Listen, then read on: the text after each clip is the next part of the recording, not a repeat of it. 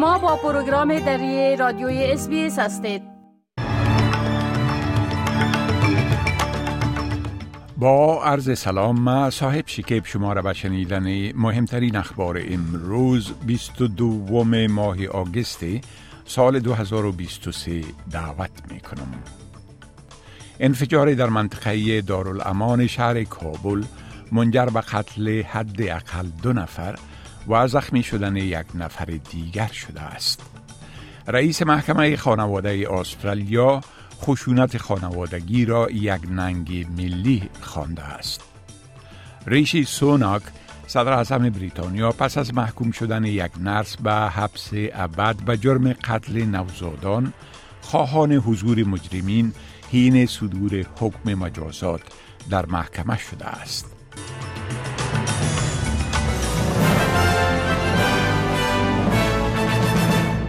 تفصیل اخبار از قتل حداقل دو نفر و زخمی شدن یک نفر در اثر انفجار بم در منطقه دارالامان شهر کابل گزارش شده است.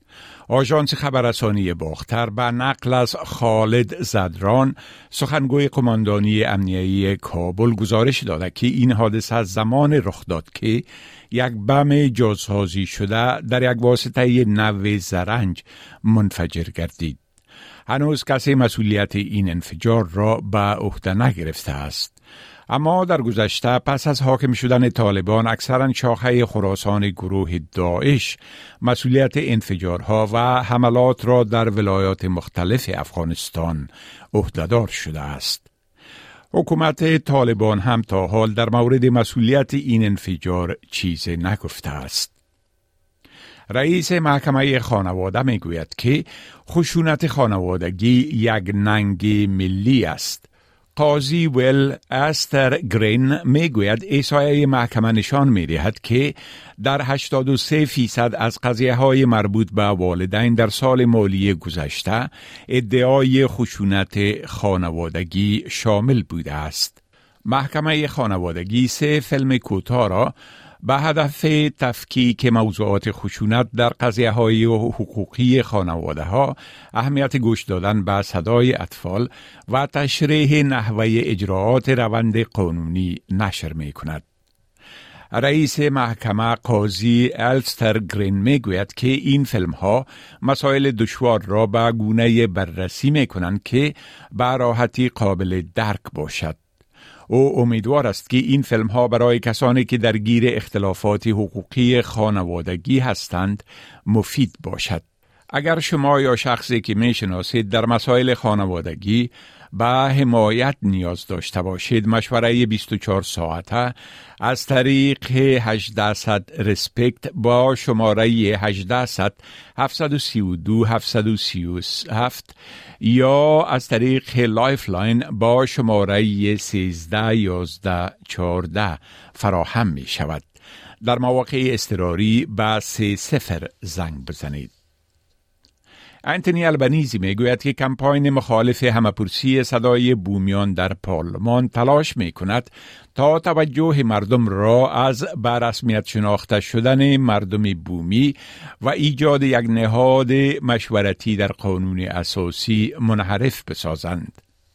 آقای البنیزی با پت فارمر ورزشکار دوش طولانی مراتون و نماینده سابق پارلمان از حزب لیبرال که پس از دویدن در سراسر استرالیا به خاطر جلب پشتیبانی برای صدای بومیان به سیدنی رسیده ملحق گردید.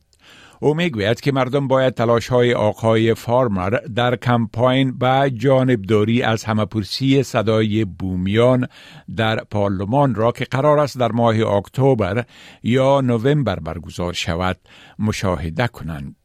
14,000 kilometers around Australia at an average of 80 kilometres a day. An extraordinary effort.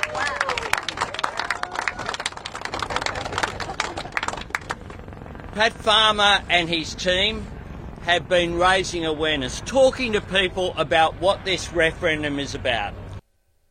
این در حال است که تام راجرز کمیشنر انتخابات استرالیا گفته که مقدار زیادی از معلومات نادرست و گمراه کننده درباره اقدام برای ایجاد صدای بومی ها در پارلمان در شبکه های اجتماعی نشر می شود. او می‌گوید که کمیسیون انتخابات میکوشد با راه اندازی یک کارزار اطلاعاتی در سراسر کشور با این گونه معلومات نادرست مقابله کرده و آن را باطل بسازد. نیک گراینر صدر سابق نیو ساوت ویلز از لبرال ها می خواهد که از پذیرش شمار بیشتر مهاجرین بر بنیاد پروگرام بشردوستانه حمایت کنند و لحنشان را در بحث پیرامون پناهجویان تغییر دهند. او همچنان از رهبران فدرالی می خواهد که با بلا تکلیفی پناهندگانی که با قایق وارد استرالیا شدند و پس از رسیدگی به درخواست های آنها در جزیره نرو و مانوس از اسکان مجددشان در استرالیا ممانعت می شود پایان دهند. آقای گراینر به روزنامه د ایج گفته است که از نگه داشتن مردم در بلا تکلیفی چیز حاصل نمی شود. این صدر اعظم ایالتی سابق لبرال اخیرا به هیئت مدیره شورای پناهندگان استرالیا پیوسته است. محققین پوهنتون دیکن دریافتند که قیمت سبزیجات منجمد در دوازده ماه گذشته 18 فیصد افزایش یافته است در حالی که کنسرو ماهی تونه 25 فیصد قیمت تر شده. انستیتوت تحول صحت این پوهنتون قیمت 28 قلم از مواد خوراکی خاص را بررسی کرده و دریافته است که طی دو سال گذشته در قیمت یک بسته از سبزیجات یخ نگه داشته شده سی فیصد افزایش به عمل آمده است. دکتر کریستینا زورباس از پوهنتون دیکن به ای بی سی گفته که این آمار نشان می دهد که زمان آن فرا رسیده که حکومت برای رسیدگی به این مشکل افزایش قیمت ها دست به کار شود. Some sort of national nutrition or food strategy and plan where we have these regular check-ins and monitoring of the system. پیتر داتن رهبر جناح سیاسی مخالف استرالیا می گوید که او احتمالا در نتیجه مدتی که به حیث افسر پلیس در کوینزلند کار می کرد اختلالات روانی پس از سانحه یا PTSD را تجربه کرده است. آقای داتن بسیاری از صحنه ها و موقعیت های را که در همراهی با یک افسر در کنارش مشاهده کرده با انابل کراب ژورنالیست ای بی سی تشریح کرده است. Do you think he did go through a sort of form of PTSD? I don't think probably every police officer does, to be honest, because I just don't think you can live that life without it having an impact on you. Or you can't erase those images, No, right? I think that's right. آقای دتن می گوید زمان کار او در نیروی پلیس روش او را در زمینه تربیه فرزندان و درگیریش در سیاست شکل داده است. ریشی سونک صدر اعظم بریتانیا می‌گوید که او خواهان تغییرات قانونی است تا افراد را مجبور بسازد که در وقت محکوم شدن به مجازات در محکمه حاضر شوند.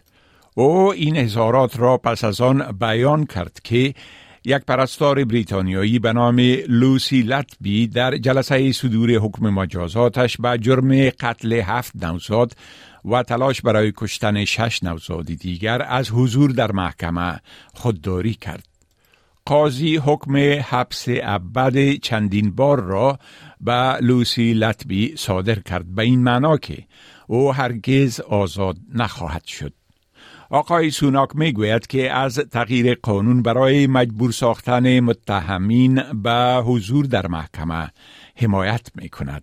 I think it's cowardly that people who commit such horrendous crimes uh, do not face their victims and hear firsthand the impact that their crimes have had on them and their families and loved ones. Now, we are looking uh, and have been at changing the law to make sure that that happens, and that's something that we'll bring forward in due course.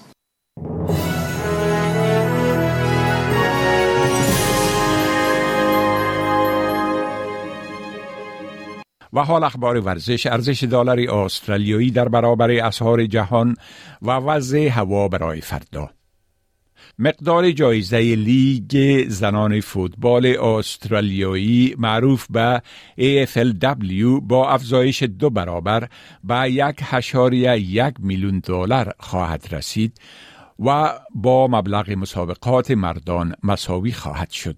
این افزایش در حالی اعلان شده که قرار است اولین دوره فصل هشتم AFLW با مسابقه بین تیم های ملبورن و کالینگ وود در پرنسس پارک به روز اول سپتامبر آغاز شود. اما این پول بین هشت تیم برتر لیگ زنان تقسیم خواهد شد. در حالی که در لیگ مردان بین چهار تیم برتر تقسیم می شود. نیکول لیوینگستون رئیس AFLW می گوید پس از هیجانی که از جام جهانی زنان برای ورزش زنان ایجاد شده او مطمئن است که با وجود این تقسیم نابرابر فصل قریب الوقوع بهترین فصل برای فوتبال استرالیایی زنان خواهد بود. ارزش یک دلار استرالیایی در بازارهای تبادله اسعار معادل تقریبا 54 افغانی، 64 سنت امریکایی، 59 سنت یورو و 50 پنس بریتانوی می باشد. و حال پیشگویی هوا در شهرهای عمده استرالیا برای فردا ملبورن ابرها در حال افزایش 16 درجه سانتیگراد سیدنی اکثرا آفتابی 20 درجه سانتیگراد کنبرا نیمه ابری 16 درجه سانتیگراد برزبون آفتابی 28 درجه سانتیگراد ادلید نیمه ابری 16 درجه سانتیگراد پرت اکثرا آفتابی 19 درجه سانتیگراد هوبارت ابرالود 16 درجه سانتیگراد و داروین آفتابی 34 درجه سانتیگراد. این بود تازه ترین اخبار از پروگرام دری رادیوی SBS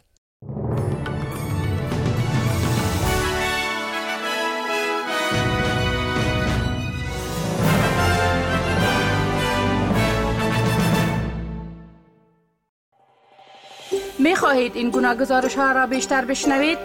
به این گزارشات از طریق Apple Podcast، Google Podcast، Spotify و یا هر جایی که پادکاستتان را می گیرید گوش دهید.